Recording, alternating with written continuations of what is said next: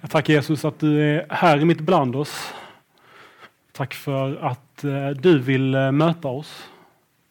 Tack för att vi har eh, ditt ord. Att vi kan lita på att du finns där med din ande och talar till oss när vi läser det, Herre. Vi ber Gud att du ska komma till oss nu. Att vi ska få bli ledda in i att höra din röst, Herre. Höra vad du har att säga just oss. Amen.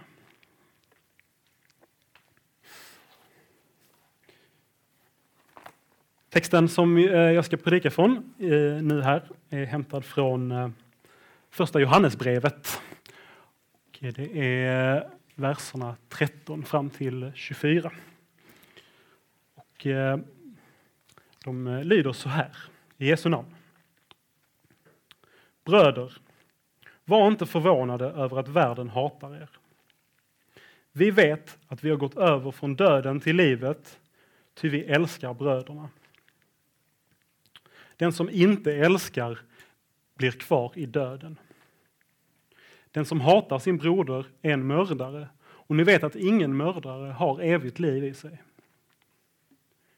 Genom att han gav sitt liv för oss har vi lärt känna kärleken.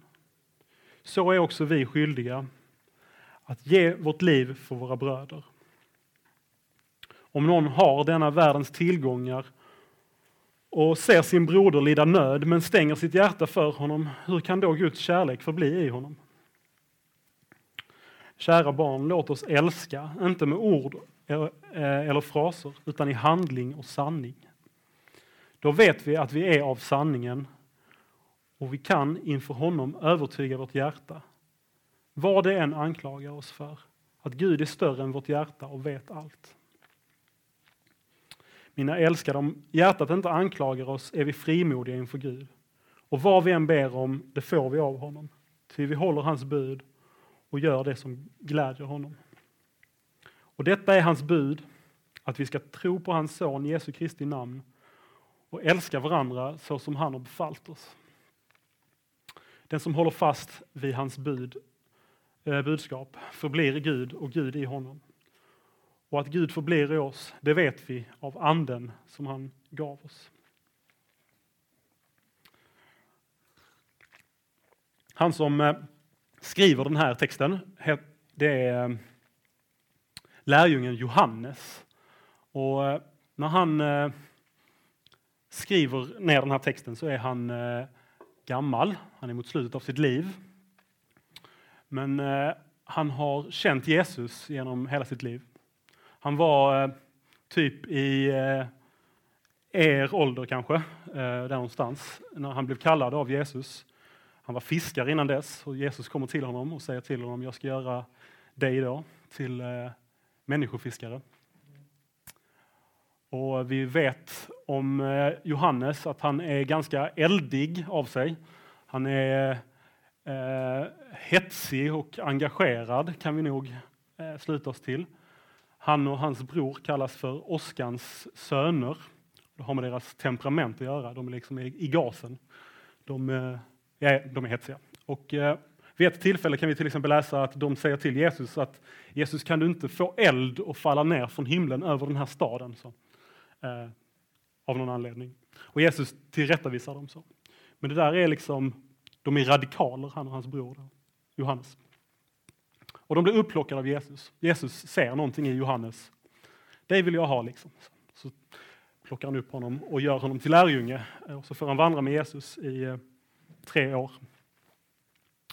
Och eh, vi vet, om vi läser evangelierna, att Johannes han fick vara med tillsammans med Petrus. Han var liksom den innersta kärnan, eller vad man ska säga, bland lärjungarna. De som eh, eh, var allra närmast Jesus. De är med vid de allra mest betydelsefulla händelserna. Så är, Johannes där. Han är med när Jesus väcker upp en eh, flicka som har dött. Han följer med Jesus upp på berget när Jesus gudomliga natur visar sig för, för lärjungarna. Då. Ehm, så de får se Jesus lysa och se hans gudomlighet. Han är också med i, i, inför korsfästelsen, är Johannes där och får vara med Jesus när han eh, har ångest inför korsfästelsen. Så han får se liksom det allra mest tydliga när, när, när Jesus visar sin gudomliga, men också liksom det mest mänskliga när, när Jesus är som svagast. Eller man ska säga. Och eh, vid Jesus eh, eh, korsfästelse, där på långfredagskvällen, så är det alla lärjungar utom Johannes som eh, blir rädda och sticker iväg och gömmer sig. Men Johannes han är kvar och han står vid Jesu kors och tittar upp på frälsaren. Ser liksom hela förloppet när Jesus blir uppspikad och tills han dör och blir nerplockad från, eh, från korset. Sen vid uppståndelsen så är Johannes också där. Så.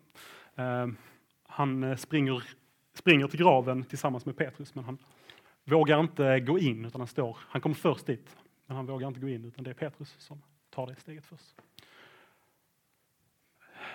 Och eh, sen så ser vi hur eh, Johannes blir en eh, ledare i den tidiga kyrkan. Paulus eh, säger att eh, Johannes är en av pelarna, som han formulerade. Det är Petrus som är liksom ledaren för eh, lärjungarna, kan man säga. Och sen så är det Jakob, Jesu bror, som också blir kallad pelare. Sen så är det Johannes. Då. Och sen så vet vi inte så jättemycket mer om Johannes liv, mer än att han är verksam i Turkiet under sitt liv. Och Det verkar lite som att hans liksom, auktoritet, eller man ska säga, den växer fram långsamt. Så. Paulus och Petrus är lite mer sådana, de eh, eh, tar ett steg fram liksom och, och, går in i ledarrollen och tar den på sig. Så. Men det faller mer på eh, Johannes allt eftersom han får växa i vishet. Så. Um, han eh, när han skriver ner sina, Johannes evangeliet och första Johannesbrevet som vi har läst nu här så, så är han gammal. Och eh, alla andra lärjungar har eh, dött. Ehm, ska man säga någonting om hur Johannes är liksom, till sin natur så är det väl det här att han verkar inte vara den här eh, eh, ihärdiga personen längre, häftiga, utan mer har han liksom mjuknat allt eftersom sitt liv gått. Och han har blivit lite mer så här eh, fått lite så mystiska tendenser kanske man kan säga till och med. Han skriver mycket om eh, hur helig ande verkar i de kristna. Det har liksom blivit viktigt för honom. Han eh, skriver också, hans texter är, om man läser Johannes, allt det han har skrivit, så, så är det ganska så upprepande, nästan lite omständigt sätt som han skriver på. Det är som att man eh, det är tänkt att man ska läsa det här långsamt och liksom meditera över texten. Vi ser också hur Johannes är verksam i någon slags profetisk gåva mot det sista som händer mot hans liv. Det är att han får en enorm uppenbarelse av Jesus där han får se eh, framtiden och eh, se in i himlen nästan. Liksom. Och det är Johannes uppenbarelse. Då. Det finns lite andra sådana eh, tendenser i Johannes eh, brev också. Man kan se ibland hur han liksom ser en slags gudomlig verklighet bakom det vanliga vardagliga på något sätt. Han talar i lite så, eh, ja, på lite mystiskt sätt eller man ska säga. Mm. Så när han skriver ner det här så är han på något sätt kyrkans eh, eh, största auktoritet. Han är den sista av apostlarna. Han är gammal, han har levt hela sitt liv med Jesus. Han är aktiv i en eh, profetisk eh, gåva och han, Guds heliga ande är över honom när han skriver sina brev. Då. Och det här brevet, första Johannesbrevet det är tänkt att spridas bland församlingarna, bland de kristna. Det är inte så att eh, Johannes känner alla som han skriver till. det är riktat till alla kristna och alltså också till oss. Så. Och eh, Därför kan vi ta det till oss. Men innehållet är liksom också allmängiltigt, för här har vi ett budskap från en kille som talar Guds ord som har en auktoritet som är... Mm, ja, vi kan inte se någon annan som skulle kunna ha en lika stark auktoritet. Så vi jobbar oss igenom en gång till det som vi redan har läst. Så lyssnar vi noga på vad Johannes då har sett och vill förmedla till oss. Bröder, var inte förvånade om världen hatar er, säger han. Vi vet att vi har gått över från döden till livet eftersom vi älskar bröderna. Den som inte älskar är kvar i döden. Den som hatar sin broder är en mördare och ni vet att ingen mördare har evigt liv i sig. Precis innan den här texten så har eh, Johannes pratat om eh, på nyttfödelsen som sker i en människa när hon eh, blir kristen. Och han uttrycker det i termer av att Gud har lagt liksom som ett frö i de kristna. Och vi känner igen det här från Jesus undervisning, som Johannes också har hört. Där Jesus säger att himmelriket är likt en, eh, ett senapskorn som man tar och sår i sin åker. Det är minst av alla frön, men när det har växt upp är det störst bland alla köksväxter och blir som ett träd. Och jag vet inte, liksom, jag har ingen aning om eh, var du befinner dig i ditt liv och i din tro. Eh, och Johannes har ingen aning om det heller, för han har varit död i 2000 år. Så. Eh, men en sak är definitivt säker och det är att om du har en tro på Jesus så har har Gud planterat någonting i dig. Han har gett dig den tron. Och den är som ett frö som ska växa till sig och bli större. Och bli, eh, från att vara någonting litet till att bli någonting större. Och det Gud har sått i dig, det här fröet, det är Guds heliga ande har du fått ta emot. Och du har fått ta emot ett evigt liv som eh, kommer överleva din eh, dödliga kropp. Du har fått en ny kärlek till eh, Gud och till medmänniskorna. Du har fått befrielse från synden som snärjer oss. Och du har fått ta emot Jesus rättfärdighet, hans ställning inför Fadern äger du. Hans renhet. Så har vi en tro så har det verkligen hänt någonting i oss. Då har vi verkligen fått ta emot det här fröet. Det är säkert. Och har vi den tron så har vi, som Johannes uttrycker det, gått från död till liv. Från fiendeskap med Gud till vänskap med Gud. Från mörker till ljus. Så här uttrycker sig Johannes, det ser man ofta. Han är, han är ganska mycket så här eh, målar upp motpoler, eller vad man ska säga. Så är det så antingen eller. Antingen död eller liv. Och nu har vi gått över från död till liv. Från mörker till ljus från fiendskap till vänskap. Så. Um, så det är liksom på något sätt ett, oavsett hur vi känner, oavsett vad som rör sig i vårt huvud, så är det ett objektivt faktum. Någonting nytt har kommit. Så. Och eh, så eh, kanske man kan fråga sig, hur vet jag då att jag har det här fröet i mig? Och då så säger Johannes då detta. Vi vet att vi har gått över från död till liv eftersom vi älskar bröderna. hur vet vi att Gud har tagit sig an oss, gett oss detta? Att Gud börjat sitt arbete i oss med det här lilla fröet som ska få växa till sig och bli mer omfattande, större? Jo, det syns. Det syns utifrån. Och det Johannes lyfter fram, det är kärleken till bröderna. Bröderna här då, det är liksom våra syskon i tron. Eh, på något sätt så är det liksom, perspektivet är så här att som kristna så får vi ta emot kärlek från Fadern och det är liksom helt naturligt, det är helt tänkt, det är givet att den kärleken ska liksom inte bara stanna hos oss utan den ska också ges vidare till andra. Det första givna, självklara steget är att vi börjar älska de andra kristna. Så. Det är det som eh, Johannes är inne på här. Så ska det ligga till, så ska det vara. Om vi tar emot eh, Guds kärlek, då älskar vi också våra systrar och bröder, de som också är Guds barn. Vid ett tillfälle så säger Jesus så här, om, om ni älskar dem som älskar er, vad ska ni ha för beröm för det? Alltså, ni ska ju älska dem som hatar er, det är ju det som är utmaningen. På något sätt. Och det är lite samma sak här. Alltså, meningen är att det vi tar emot, den kärlek vi tar emot från Gud, den ska få förvandla oss och vi ska få älska våra medmänniskor, älska alla människor. Men det första steget, det som är helt naturligt, liksom det. först älskar vi dem som, eh, som är våra bröder och systrar i tron. För det är liksom minst utmaning, eller man ska säga. Så, ibland så kan man prata om den kristna tron så att det låter nästan som att det är så här, vi eh, tror på Jesus och då så får vi en biljett, eller en, så, en inträdesbiljett in i himlen. Så, och sen så är det det som är evangeliet, det är det som är beskrivningen av eh, vad det är att vara en kristen.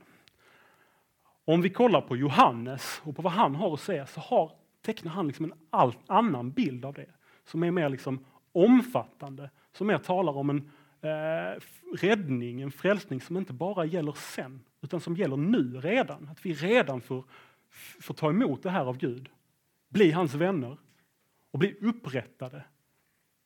Så. Ibland så, alltså det, det, finns en aspekt av frälsningen, av det Gud har gjort för oss, det är att när vi, vi som är syndare, syndare vi eh, är förlåtna och då så när Gud tittar på oss så ser han liksom inte vår synd längre, utan han ser Jesus Kristus och hans rättfärdighet. Så. Och det är liksom amen till det, absolut. Men det finns en annan sida av myntet också. Att Gud, Gud är liksom inte bara långt borta så tittar på oss. Okej, okay, där, eh, där har vi en eh, syndare, men det ser jag inte för jag ser Jesus istället. Utan Gud kommer oss nära med sin ande, värmer vårt svaga hjärta med sin kärlek. Han upprättar oss, förvandlar oss inifrån vill någonting med våra liv just nu. Och det kommer ta sig uttryck, det kommer synas utifrån, säger Johannes. Så vet ni att ni har gått över från död till liv, för att ni älskar bröderna.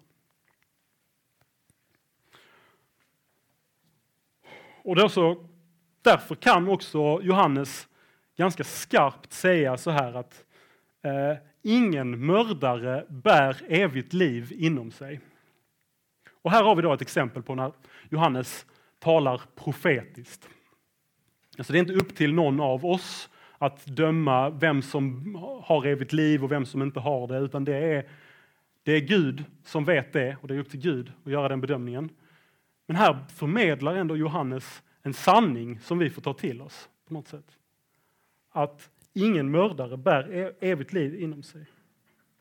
Det går inte att vara i Guds närhet ta emot av hans kärlek och samtidigt vara en mördare.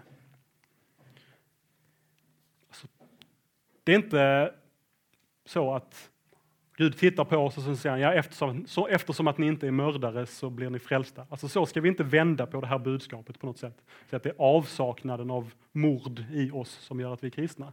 Det är inte det som är poängen. Men poängen är på något sätt att det som gör oss till kristna, Guds frö som han har sått i oss, hans förlåtelse, hans rättfärdighet. Det fröet för andra saker med sig också. Bland annat då att vi blir förvandlade. Jag vet inte om ni tycker det här känns eh, stötande eller svårt på något sätt eller så. Men jag tror ändå att det här är en erfarenhet som, som vi kan känna igen oss i på något sätt. Jag tror inte jag är ensam om det i alla fall. Alltså tänk er efter, efter en stund i bön eller lovsångskväll där man liksom har Gud, Gud har varit speciellt påtagligt närvarande, rört vid en så. Eh, går det då att hata sina bröder och känna mordiska tankar om sina systrar och bröder i Kristus? Jag tror det är svårt. Eller tänk er liksom när man tar emot eh, nattvarden, står där liksom i en eh, halvcirkel och så får man höra så här. Kristi kropp för dig utgiven, Kristi blod för dig utgjutet och så tar man emot, blir berörd. Tänk att det här gäller mig, tänk att jag får ta emot detta. Så det är helt omöjligt att i den situationen liksom lyfta blicken, se på sin syster eller broder där samma sak gäller för dem och bara tänka den personen hatar jag.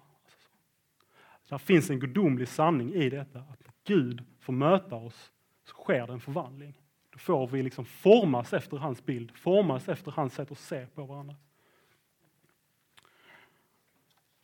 Om man har som liksom eh, total bild av sin eh, medmänniska, av sin eh, broder eller syster, att den här personen hatar jag, jag vill den illa, jag tänker onda tankar om den och det är jag nöjd med så. Då finns det ett problem menar Johannes. Då har, inte, ja, då, då har man inte tagit emot av det Gud, som vill ge, Gud vill ge.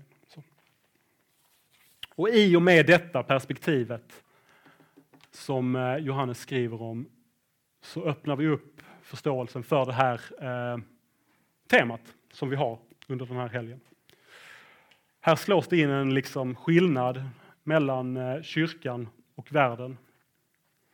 Lägets tema alltså att vara annorlunda och göra skillnad. För Johannes så är det helt givet att de kristna är annorlunda. Det finns någonting hos dem som förvandlar. Och det är inte så att han varit ute i alla församlingar och haft djupintervjuer med alla de kristna som ska läsa hans brev så, och sen så har han eh, utifrån det dragit den här slutsatsen. Utan det här vet han eftersom han vet vad det är att vara en kristen. Här, han vet vad det är att vara Guds barn. Alltså är man kristen så har man helig ande i sig som utför sitt räddningsverk i en, dag för dag. Är man kristen så har man en återupprättad relation till Fadern. Är man kristen så har man Jesus som Herre. Och allt det här spelar roll. Allt detta märks. Så är man kristen så är man per definition annorlunda. Det är ett objektivt faktum. Och det, är inte, och det här då, det ska vi utforska tillsammans med Martin Helgesson då, under läget. Vad, vad betyder det här för mig? Poängen är inte så att eh, de som inte är kristna kan inte vara goda eller de kan inte älska osjälviskt. Eller så. Men här finns någonting som man inte kan. Man kan inte älska Gud. Man kan inte ha Jesus som Herre och man kan inte ha helig Ande om man inte är kristen. Därför finns det en skillnad. Och därför säger eh, Johannes också, var inte förvånade om världen hatar er.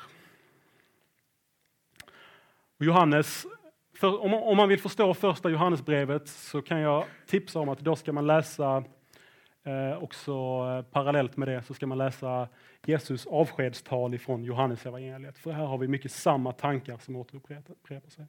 I Jesus avskedstal så säger Jesus så här. Om världen hatar er så ska ni veta att den har hatat mig före er. Hade ni tillhört världen skulle världen ha älskat er som sina egna. Men ni tillhör inte världen utan jag har utvalt er och tagit er ut ur världen. Därför hatar världen er. Kom ihåg vad jag har sagt. Tjänaren är inte större än sin herre. Har de förföljt mig ska de också förfölja er. Har de bevarat mitt ord ska de också bevara ert ord. Men allt detta kommer de att göra mot er för mitt namns skull. Därför att de inte känner honom som har sänt mig. Helt enkelt, kristendomen väcker anstöt för den är annorlunda i den här världen. Jesus var inte av den här världen, utan han var annorlunda. Och därför vände sig människor emot honom. Samma sak gäller för oss. Det är det Jesus säger. Och Johannes säger då, var inte förvånad. Det betyder då inte att eh, det per definition kommer vara så att alla människor vi möter som inte är kristna kommer hata oss. Det är inte alls det Johannes säger. Men han säger, var inte förvånad. Var inte förvånad om det händer.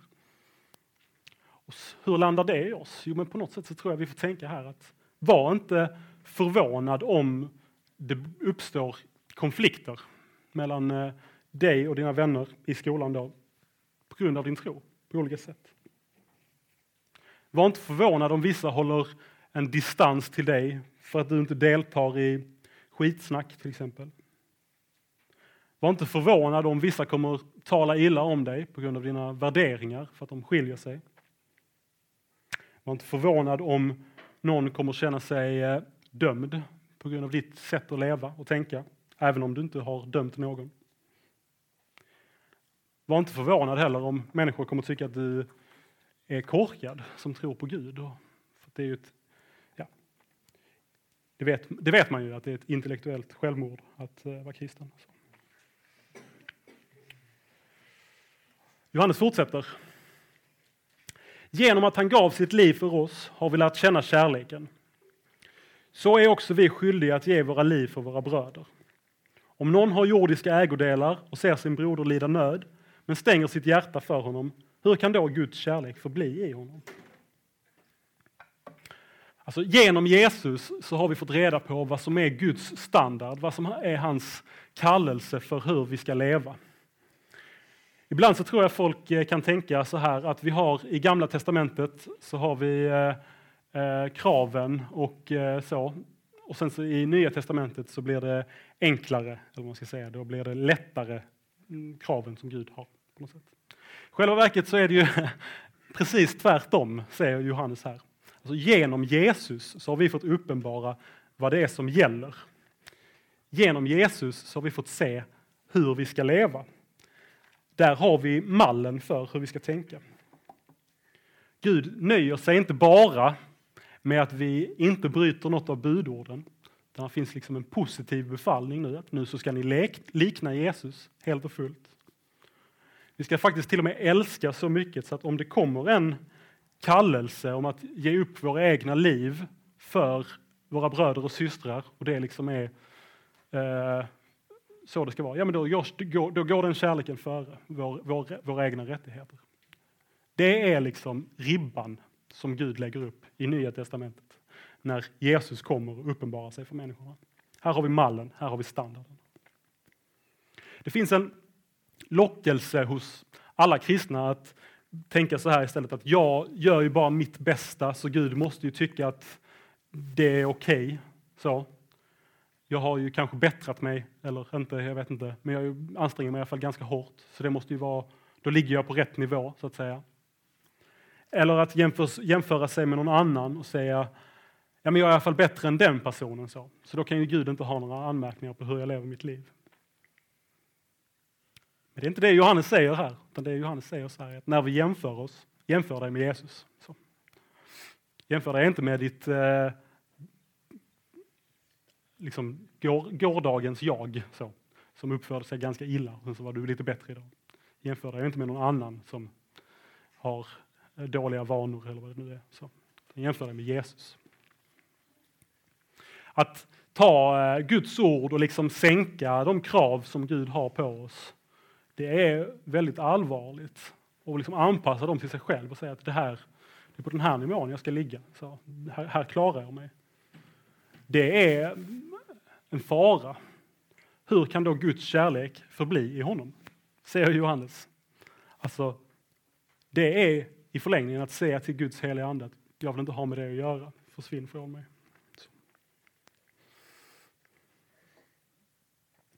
Kära barn, låt oss inte älska med ord eller fraser utan i handling och sanning. Då vet vi att vi är av sanningen och inför honom kan vi övertyga vårt hjärta om det fördömer oss, att Gud är större än vårt hjärta och vet allt. Mina älskade, om hjärtat inte fördömer oss har vi frimodighet inför Gud. Johannes, som är erfaren, som är en profet, han känner till hur människohjärtat funkar. Och eh, det är därför han nu fortsätter från att ha talat om eh, vilka skyldigheter vi har. Så fortsätter han in i att prata om hur eh, vi får eh, frimodighet inför Gud. På något sätt är det så liksom att ibland så kan för oss så kan synden vara helt, göra oss helt blinda.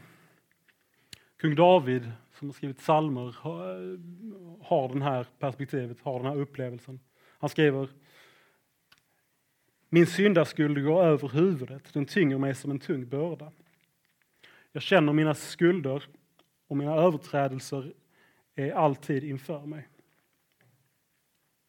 Kanske tänker man då liksom att mitt hjärta är helt tomt på kärlek när jag jämför mig med, med Jesus och hans standard och hans kärlek.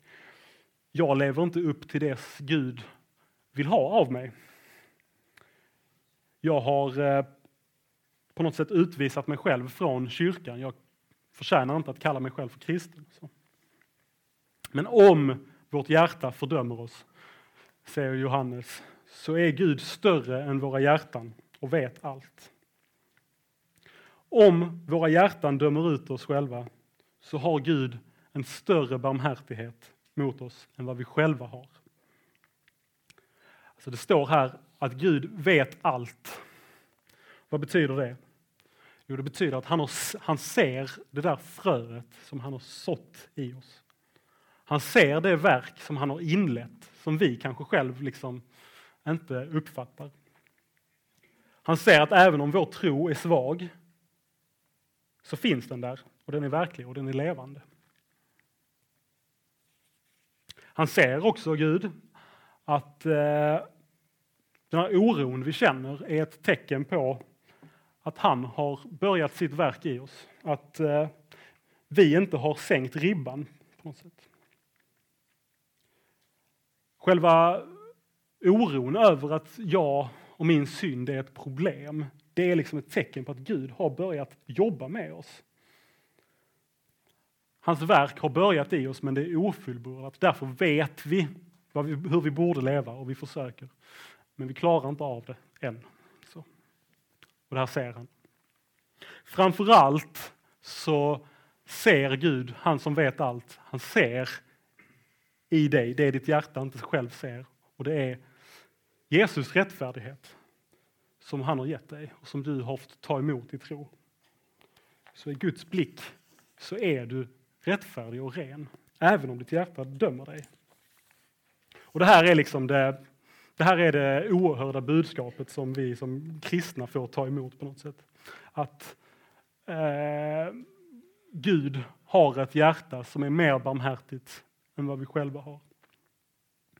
Det finns en dubbelhet här. I Kristus så får vi reda på två saker. Dels vad som gäller för oss, var standarden ligger. Men i Kristus så uppenbaras också Guds kärlek till oss och hans nåd gentemot oss. I psalm 103 så står det Barmhärtig och nådig är Herren, sen till vrede och stor i nåd. Och det här har Johannes också fått upptäcka. Han behandlar inte oss efter våra synder och lönar oss inte efter våra missgärningar. Så hög som himlen är över jorden, så väldig är hans nåd över dem som vördar honom. Så avslutningsvis här i eh, texten så skriver Johannes och vad vi än ber om, det får vi av honom eftersom vi håller hans bud och gör det som gläder honom. Och detta är hans bud, att vi ska tro på hans sons namn, Jesus Kristus, och älska varandra så som han befallt oss.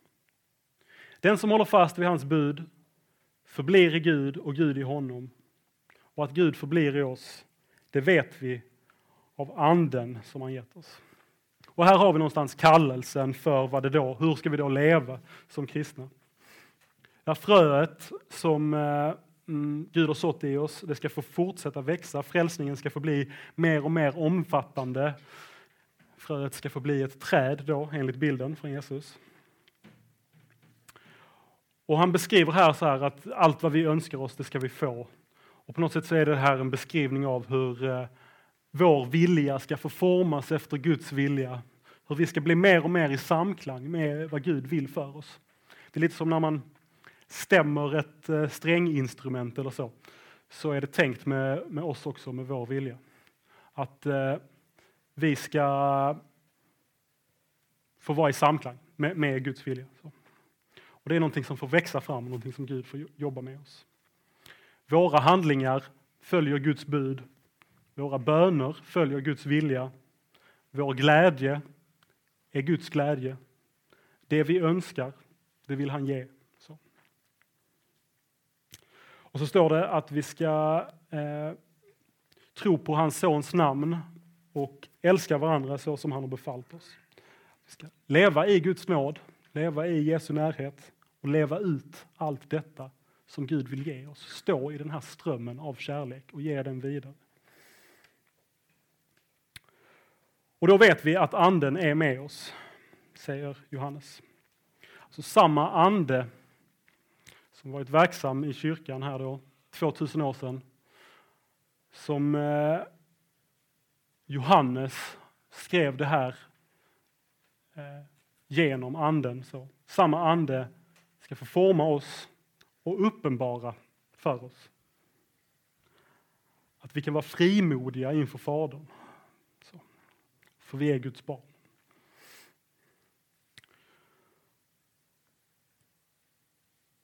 Så att vi lär känna vem Fadern är för oss. Och det är sanningen om honom är att han är barmhärtighet och nåd. Så. Ja. Vi ber. Tack Jesus att du har sett oss var och en, att du har kallat oss till dig och gett oss en tro på dig Herre. Tack för din kärlek som du har gentemot oss och tack för att den får förvandla oss. Jag ber Herre att vi ska få eh, allesammans växa närmre dig, närmre ditt hjärta. Jag ber att vi ska få se allt mer vem du är, vad du kallar oss till, vilka vi ska vara. Och jag ber också att vi ska få se allt mer din godhet, nåd och barmhärtighet. Det fadershjärta du har för oss.